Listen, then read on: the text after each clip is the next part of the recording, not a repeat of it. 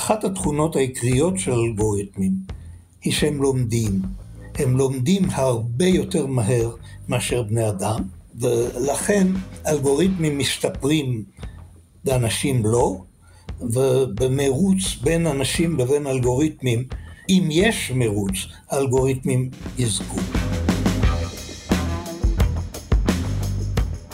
היי, אני הילה וייסברג, ואתם מאזינים לצוללת של גלובס. היום, בפרק מיוחד של הצוללת, אנחנו מארחים את אחד הישראלים המשפיעים בעולם, זוכה פרס נובל לכלכלה לשנת 2002, הפסיכולוג פרופסור דניאל כהנמן. את הפרס הוא קיבל על עבודות שפרסם עם השותף והחבר הקרוב, פרופסור עמוס טברסקי, שנפטר כמה שנים קודם לכן. אלה היו מחקרים פורצי דרך, ששינו את פני הכלכלה. Professor Kahneman His Majesty the King of Sweden.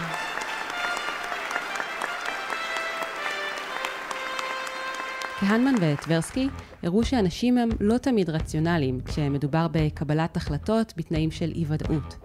ואלה מחקרים שהיו הבסיס למשהו היום אחד התחומים הכי חמים ופיקנטיים, הכלכלה ההתנהגותית. כלכלנים, אמר כהנמן בריאיון למגזין אמריקאי משנת 2007, חושבים על מה אנשים צריכים לעשות. פסיכולוגים בוחנים מה הם עושים באמת. היום, בכל מקרה, הכלכלה ההתנהגותית היא לגמרי במיינסטרים. כהנמן היה בן 68 כשזכה בנובל, ומאז הקריירה שלו רק הלכה ופרחה. הוא כתב מאמרים וספרים על מערכות אנושיות שונות של קבלת החלטות, על שביעות רצון מהחיים, וגם על רעש, שהוא סוג של בעיה בשיפוט, ותכף נסביר בדיוק מה זה אומר. אבל את השיחה התחלנו דווקא מעניינים אקטואליים. למשל, המשבר הכלכלי שאנחנו עומדים בפתחו, והמלחמה באוקראינה. כהנמן מתגורר כיום בפרינסטון, ניו ג'רזי, ומשם הוא התראיין. באדיבות המחשב, כמובן. האזנה נעימה. שלום פרופסור דניאל כהנמן. שלום, שלום. ככה כשאתה מסתכל עכשיו על מה שמתחולל בעולם, אנחנו על סיפו של משבר, משבר כלכלי, ישנה מלחמה במזרח אירופה שמתרחשת כעת. אה, אנחנו רואים את השווקים קורסים, אינפלציה גבוהה, ריבית בעלייה. איך אתה אה, מנתח את המציאות הזו, והאם אפשר היה לחזות את זה? אני לא מומחה לכלכלה, וזה ברור שמה שקורה עכשיו לא היה ניתן לחיזוי לטווח ארוך. זאת אומרת, לא חזו את המלחמה באוקראינה. בדרך כלל משברים כלכליים קשים לחיזוי, זה ברור, מפני שאנשים חוזים אותם לעיתים יותר מדי קרובות, כך שהעולם לא ניתן לחיזוי מדויק, וזה מקרה קיצוני, מה שקורה בתקופה הזאת, שמראה את הקשיים בחיזוי. אגב, קבלת החלטות בתנאים של אי-ודאות, אנחנו רואים לא פעם את הנטייה האנושית לצאת משוק ההון בעת משבר, דווקא בשיא הירידות, כי אנשים חשים פאניקה וחרדה, והם רוצים להציל את הכסף. איך אתה מנתח את הסיטואציה הזו? תראי, היא מאוד פשוטה מבחינה פסיכולוגית. אנשים רוצים לברוח כאשר יש הפסד שהולך וגובר, אנשים רוצים לברוח מזה, והם מוכרים ויוצאים מן השוק, וברור שהם אז מוכרים בזול וקונים ביוקר. כך שהעצה הטובה ביותר לאנשים בנושא הזה שאני מכיר, היא אל תעקוב אחרי השוק. תשקיע ותשכח מזה. חברים שלי שהם מומחים לנושא, זו העצה שהם נותנים.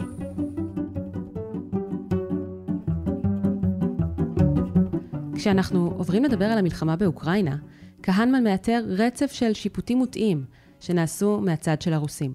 אני לא מכיר איש שלא רואה את תקיפת אוקראינה בתור טעות רוסית. זה ברור שטעו, זה לא ברור שפוטין באופן אישי טעה, כי מאוד יכול להיות שהוא הוטעה על ידי אנשים אחרים, שמסרו לו אינפורמציה שלא התאמתה. באופן כללי, לגבי רוסיה, אין ספק שנעשתה טעות. זה שפינלנד ושוודיה מבקשות להצטרף לנאט"ו, זה בעצם לא היה צריך להיות הפתעה לרוסים. וזה נראה שזה כן הייתה הפתעה, ואפילו לקחו את זה בחשבון. קשה לראות שמישהו היה רואה את תקיפת אוקראינה בתור משהו שמוסיף לביטחון רוסיה. כך שלא חשבו עד הסוף. איך יכול להיות שנשיא רוסיה ולדימיר פוטין, שנחשב למנהיג חזק ומתוחכם, טעה באופן הזה? כהנמן מציע תרגיל מחשבתי שמוביל אותנו לדבר על הנושא של ספרו החדש, רעש, שיוצא כעת לאור בעברית בהוצאת מטר, ושאותו כתב עם הכלכלנים פרופסור אוליביה סיבוני ופרופסור קאס סנסטיין. זה תרגיל שממחיש היטב מהו ההבדל בין הטיה לבין רעש. אנחנו אומרים שפוטין תקף את אוקראינה, אנחנו אולי אומרים, הוא בכלל מגזים בחשיבות של שימוש בכוח. אם הוא בכלל מגזים בחשיבות של שימוש בכוח, זו הטיה, כי זה כבר משהו שחל על הרבה החלטות ועל הרבה שיפוטים שונים. אבל אם פוטין קם בבוקר רעב, או שמזג האוויר היה קודר, מצב רוחו היה בשפל, ובגלל זה הוא תקף את אוקראינה, זה אז רעש. זה רעש? זה נכון, אם אותו האיש במצב רגעי אחר היה מגיע למסקנה או להחלטה אחרת, זה סוג מסוים של רעש, רעש בתוך האיש.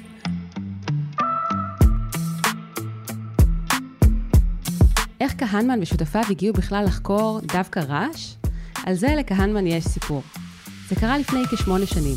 הוא בדיוק ייעץ לחברת ביטוח, והחליט לבצע ניסוי קטן. הוא ביקש מהמנהלים שייתנו לכמה עשרות שמאים לנתח מקרים פיקטיביים, אבל מפורטים וריאליסטיים, של מבוטחים פוטנציאליים, ואחר כך לציין את הפרמיה שלדעתם צריך לגבות מהם.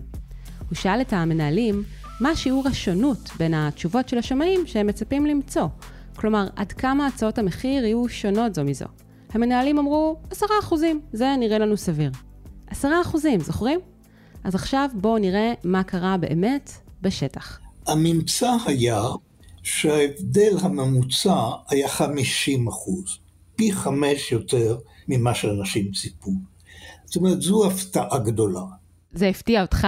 אותי זה הפתיע פחות מאשר אותם, אבל גם אותי זה הפתיע, 50 אחוז זה המון.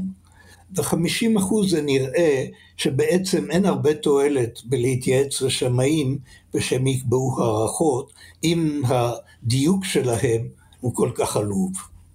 אבל מה שהיה מעניין ביותר הוא שהחברה והמנהלים של החברה לא היו מוכנים לזה בכלל, הם לא ידעו שיש להם בעיית רעש, לא עלה בדעתם. כך שזה הביא לחשיבה. אז מזה הכללנו ואמרנו, בכל מקום שיש שיפוט יש רעש, ויש יותר רעש ממה שאתה חושב. והדבר העיקרי זה החצי השני של המשפט. ובעצם הספר בא בגלל זה. זאת אומרת, יש פה תופעה שהיא תופעה חשובה ושהיא לא מוכרת. כהנמן לא המציא את המושג רעש, אבל הוא טוען שהחידוש שלו ושל השותפים בספר הוא שצריך לתת לו הרבה יותר כבוד. כי הרעש הוא חמקמק מאוד, קשה לעלות עליו. הנה כמה דוגמאות באמת מדהימות לרעש מהסוג שמתרחש בתוך האנשים עצמם.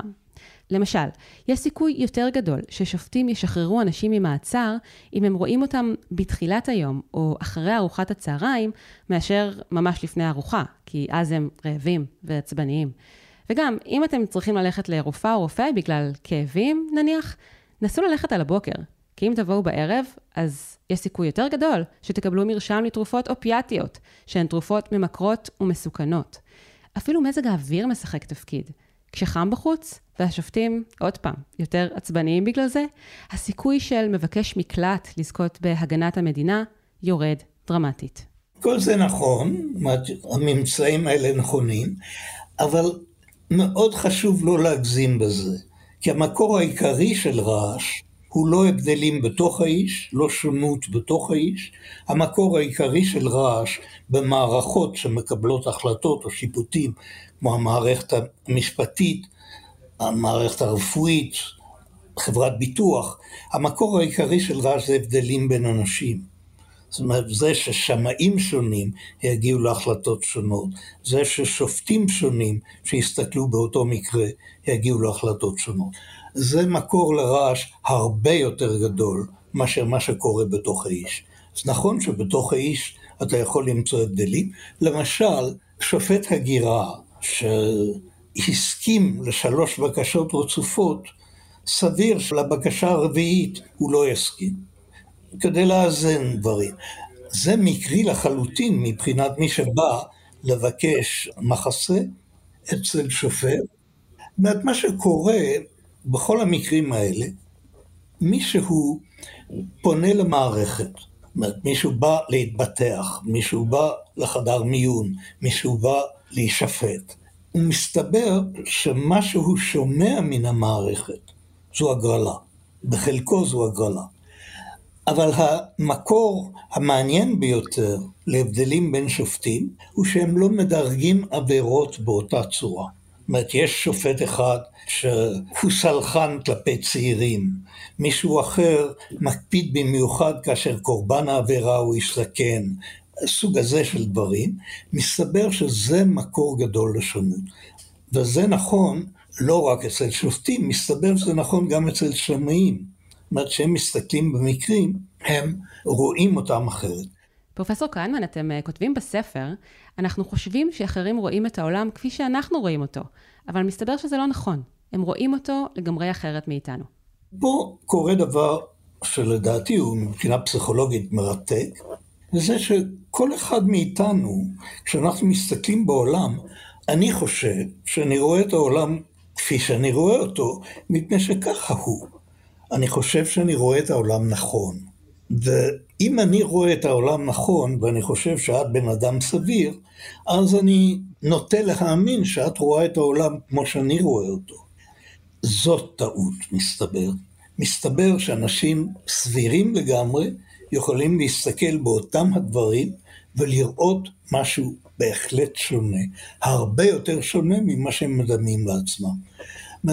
הדמיון שלי, מסתבר, שקשה לי לדמות את המידה שבה אנשים יכולים להיות שונים ממני. אז מהו הפתרון לרעש? כהנמן ושותפיו מציעים כל מיני פתרונות, אבל אחד הבולטים שבהם הוא שימוש הרבה יותר נרחב באלגוריתמים ובינה מלאכותית. ובמילים פשוטות, מחשבים שלומדים לחשוב כמו בני אדם. ובמקרים מסוימים, אפילו לא מעט מקרים, הם חושבים הרבה יותר טוב מהם. אלגוריתמים, התכונה הבולטת שלהם היא שאין בהם רעש. זאת אומרת, אם אתה מציג את אותה בעיה פעמיים לאלגוריתם, תקבל את אותה תשובה. וזה מסתבר יתרון גדול לאלגוריתמים על בני אדם, מפני שבני אדם הם מאוד רועשים ואלגוריתמים לא. אבל יש הרבה תחומים שבהם עוד הרבה זמן אלגוריתמים לא יקבעו, לא ישלטו, אלא יהיו החלטות אנושיות, והכיוון העיקרי של הספר שלנו הוא לשאול איך אפשר לשפר שיפוטים, מפני שהעולם יהיה תלוי בשיפוטים עוד כמה עשרות שנים לפחות.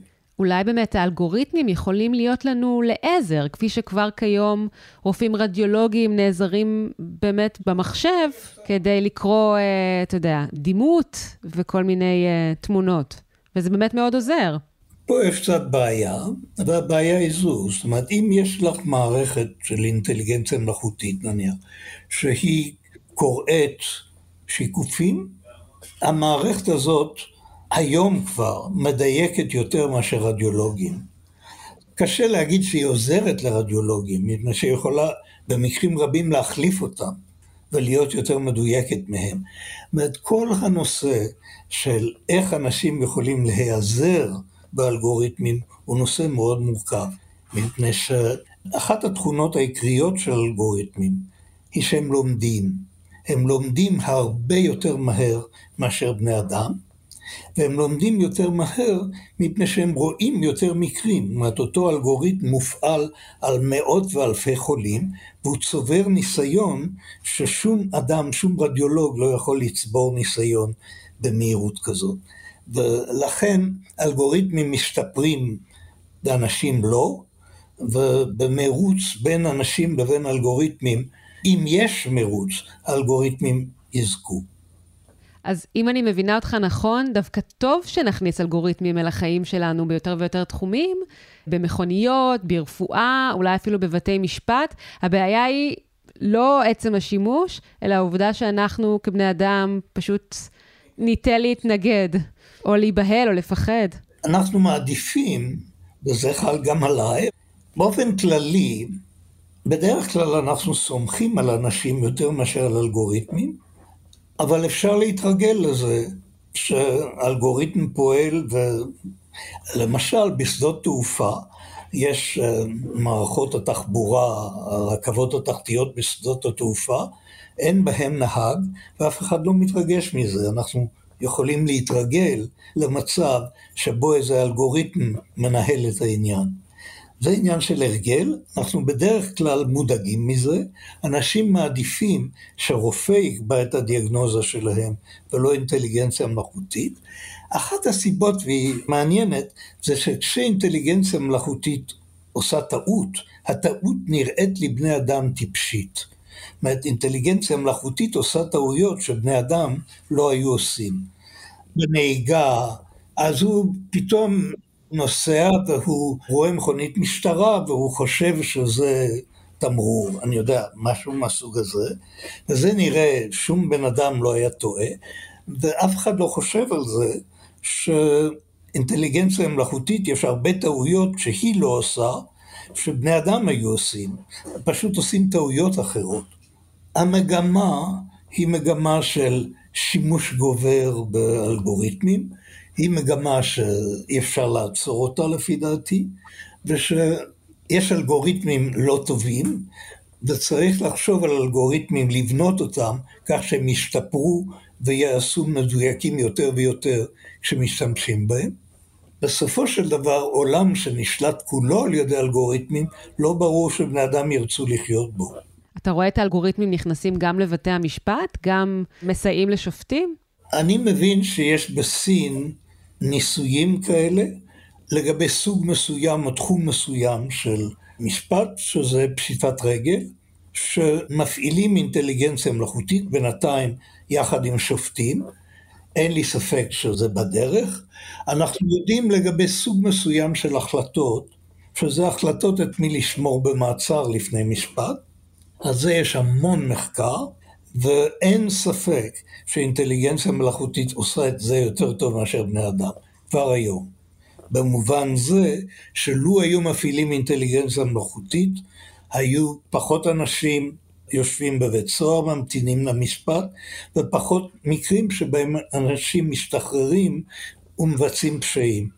כך שאין ספק, זה כבר היום, אפשר היה להחליף את השופטים במערכת הזאת, של מה שנקרא פרול, אפשר היה להחליף אותם באינטליגנציה מלאכותית, זה השיפור נטו. פרופסור כהנמן, נראה לי שאתה מתאר את קץ האנושות. כלומר, לא סתם רופאים אה, מפחדים מזה שרובוטים יחליפו אותם, אתה מתאר סצנריו שזה בהחלט מה שהולך להיות, ולאו דווקא סצנריו גרוע. יהיו הרבה תחומים, אין בזה ספק, שבהם אינטליגנציה מלאכותית פשוט תהיה יותר טובה מבני אדם. אני אתמול בערב ראיתי דברים מדהימים, שאלה ציורים שאינטליגנציה מלאכותית מייצרת, ואלה דברים מדהימים ביופיים. ישנה, האדם מזמין איזה סוג שהוא של ציור, והאינטליגנציה המלאכותית תוך 20 שניות יוצרת עשר דוגמאות, ואתה יכול לבקש מאינטליגנציה מלאכותית להציע צורות של תכשיטים, והדברים נפלאים היא מייצרת. רובוטים ייקחו לנו את העבודה, הם יעשו את זה יותר טוב מאיתנו, נשמע לי כמו קץ האנושות. זה לא קץ האנושות, אבל איך האנשים יחיו עם הדבר הזה, מאוד לא ברור. מה האינטליגנציה המלאכותית תעשה לאנושות, לא ברור, אבל צריך לחשוב על זה בתור דבר מאוד גדול, כמעט כמו שינוי באקלים. אביא לך דוגמה, יהיו, וזה עניין של שנים בודדות, תהיה אינטליגנציה מלאכותית שתוכל לעשות מחקרים משפטיים, למצוא את כל התקדימים הרלוונטיים, לארגן אותם, לפרש אותם. זה עניין של זמן קצר. יש כבר הצעות לאינטליגנציה מלאכותית שיכולה לזכור את כל הספרות המדעית ולסכם נושא ולהציע נושא ולכתוב סיכום שהוא יותר טוב מסיכום שהיה כותב חוקר. זה בדרך. כך שהרבה מאוד מקצועות שקיימים היום, אינטליגנציה מלאכותית תוכל לבצע יותר טוב מבני אדם. זה תוך העשור הקרוב. בכל זאת, בא לידי ביטוי היתרון של האדם על פני הרובוט? אולי בהיבטים כמו קשר בין אנשים ואמפתיה. אבל לפי כהנמן, אל תחפשו את היתרון הזה באינטואיציה. בספרו הקודם, מ-2011, לחשוב מהר, לחשוב לאט, שהיה רב-מכר ותורגם לפחות ל-35 שפות, כהנמן הבחין בין מערכת חשיבה מסוג אחת, שהיא מהירה ומבוססת אינטואיציה, לבין מערכת מסוג 2, שנשלטת בידי כללים. הוא הראה שהמערכת הראשונה מובילה אותנו ללא מעט טעויות, ולכן הוא אומר את הדברים הבאים. אינטואיציה לא יתרון של האנושות, זה נראה לי ברור, אבל קשה לדבר על יתרון, אנחנו רוצים להתקיים, זה גזע אחר, אינטליגנציה מלאכותית. והיחסים בין הגזעים האלה, בין האנושות לבין אינטליגנציה מלאכותית, זה מעסיק הרבה מאוד חוקרים בתקופה הזאת, שמנסים לראות מה יהיה בעוד 50 שנה. מה יהיה כאשר באמת בהרבה מאוד תחומים אינטליגנציה מלאכותית תהיה יותר מוצלחת, תשיג הישגים יותר טובים מאשר בני אדם. זה יקרה במשפט, במדע, ברפואה, בנהיגה, בהטסת מטוסים וכן הלאה. ויש עוד עניין ביחס לרעש. אם יש רעש, עדיף שארגונים ידעו שהוא קיים אצלם, ולא יתעתעו אותו מתחת לשטיח מראש, כדי לא להתמודד.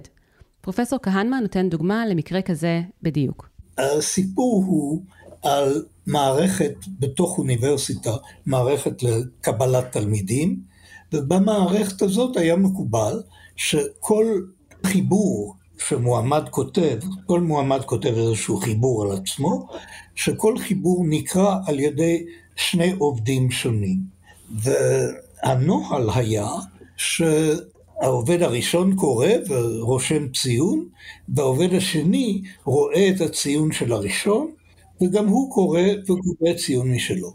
ואז אמר פסיכולוג, זה ברור שלכאורה מדוע אתם מאפשרים לאיש השני לראות מה האיש הראשון אמר? יותר טוב שלא ידע.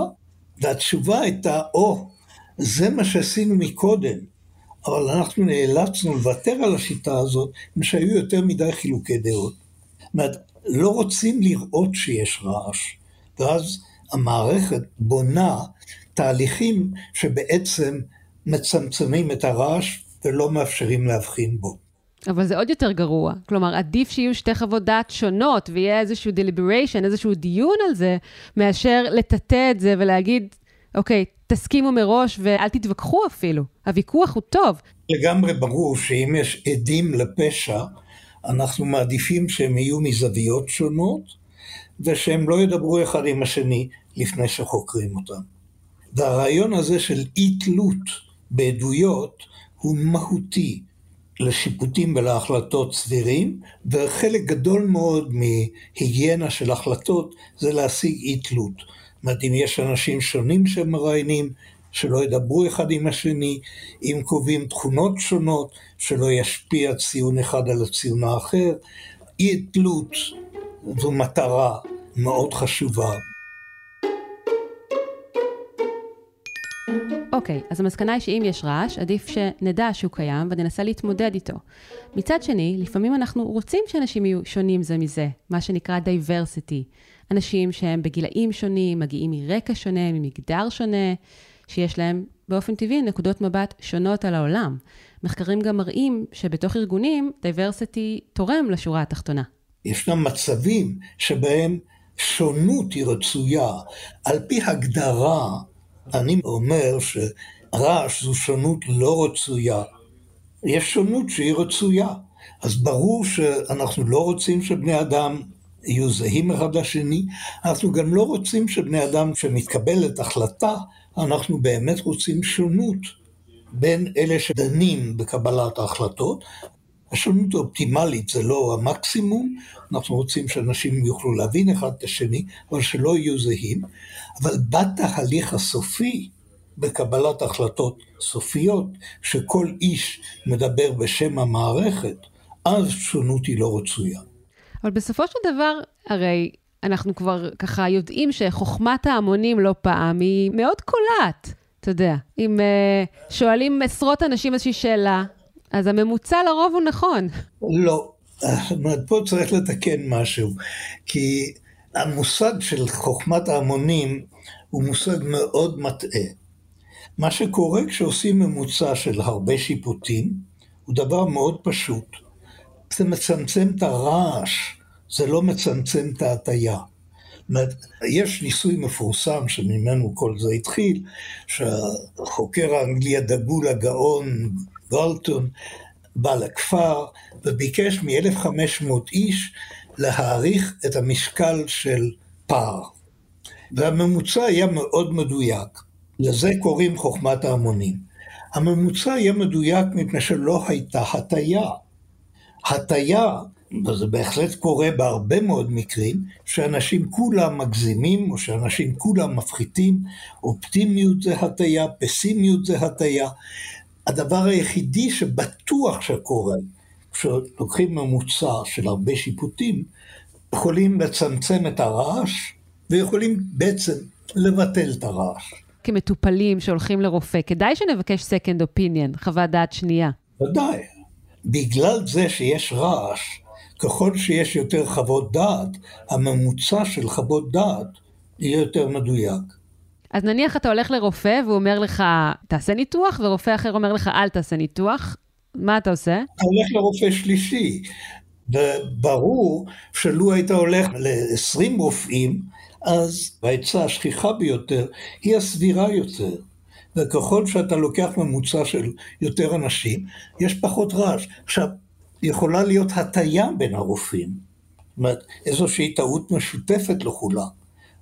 נגד זה אין לנו תשובה, אבל לקחת ממוצע של הרבה שיפוטים, זו תרופה בטוחה נגד רעש.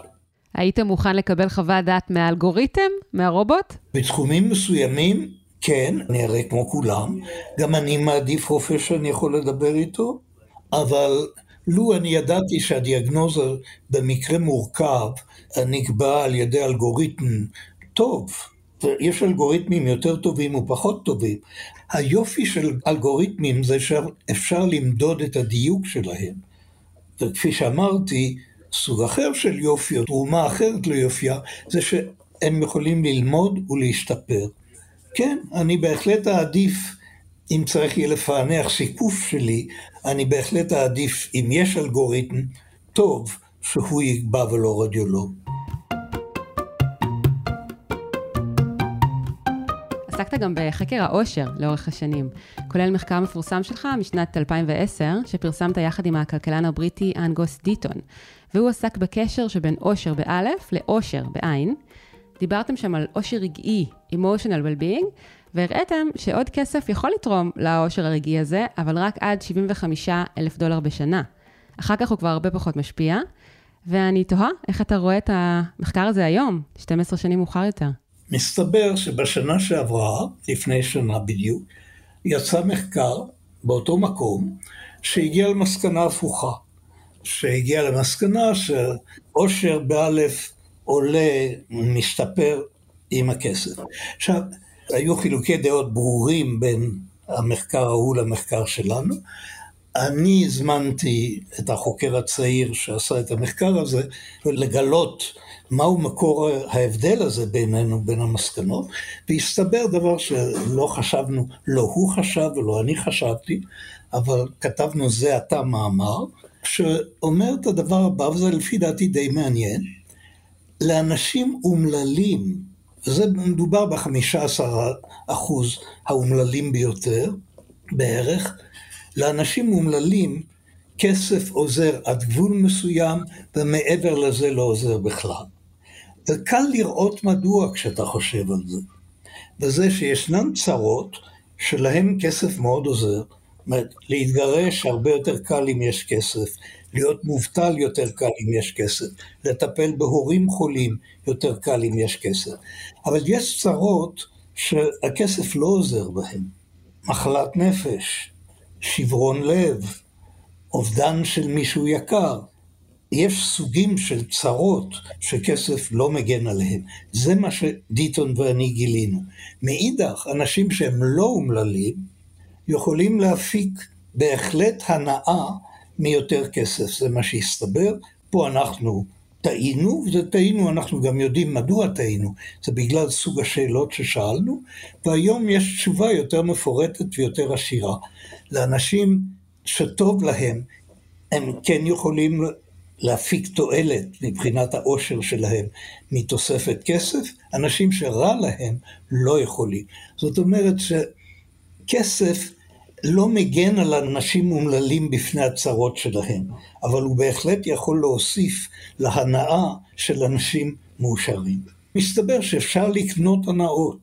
אתה לא מצאת אבל באחד המחקרים שלך, שלמשל אנשים שזכו בלוטו, בסופו של דבר חזרו לרמת העושר הבסיסית שהייתה לפני הזכייה? זה נכון שישנה הסתגלות לדברים האלה. ההסתגלות היא לא מלאה, וסוג העושר שבו מדובר הוא שונה. ישנם מדדים שונים לעושר. אחד זה שביעות רצון כללית מן החיים, והשני זה המצב הרגשי, מידת ההנאה או הסבל הרגעית. והמחקרים האחרונים שעליהם מדובר, במחקר עם דיטון, במחקר שערכנו השנה, הם על עושר רגעי. שביעות רצון מן החיים, יש מנגנונים אחרים שקובעים אותם. לאחרונה עסקתי בסוגיה של אה, הצד האפל של ההצלחה. ראיינתי למשל הייטקיסטים ודיברתי על ספורטאים, שדווקא כשהגיעו לשיא ההצלחה שלהם, הם חוו אחר כך אה, דיכאון, או שהזניחו את המשפחה שלהם, כל מיני היבטים כאלה. זה נקרא דיכאון פוסט-אולימפי. ורציתי לשאול אם חווית משהו באזור הזה לאחר הזכייה בפרס נובל ב-2002. לא, לגמרי לא. זה מעניין באמת, אני מכיר בעלי פרס נובל אחדים, אני לא חושב שזה קרה לאף אחד מאלה שאני מכיר.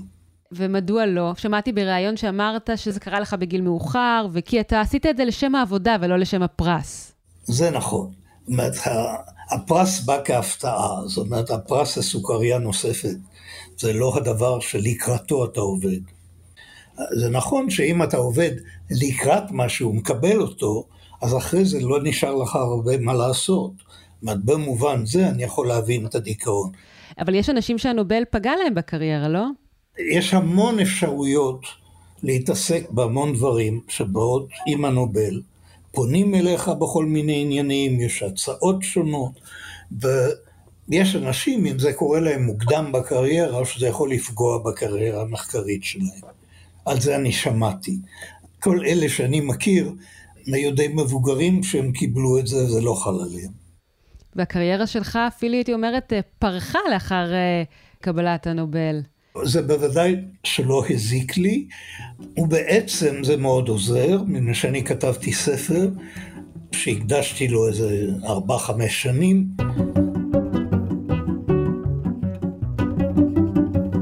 כאן כהנמן מדבר על הספר לחשוב מהר, לחשוב לאט, שהזכרנו קודם. כשהוא יצא והיה כתוב על הדף שזה בעל פרס נובל, הנובל בוודאי עזר לקבלת הספר, כך ש...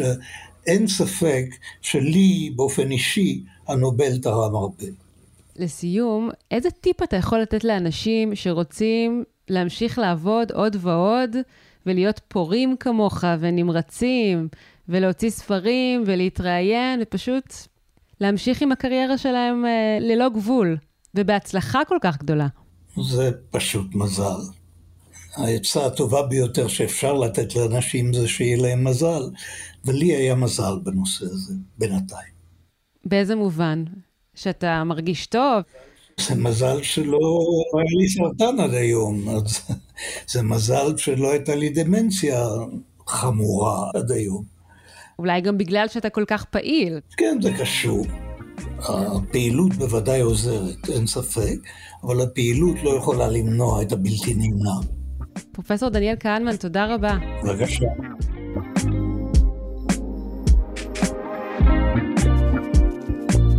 עד כאן עוד פרק של הצוללת. אתם יכולים למצוא אותנו באתר גלובס, בספוטיפיי או בכל אפליקציית פודקאסטים. נשמח אם תעשו לנו subscribe, ואם אהבתם, אז תשלחו את הפרק לחברה או חבר שאתם אוהבים. אור שמיר ערך את הסאונד.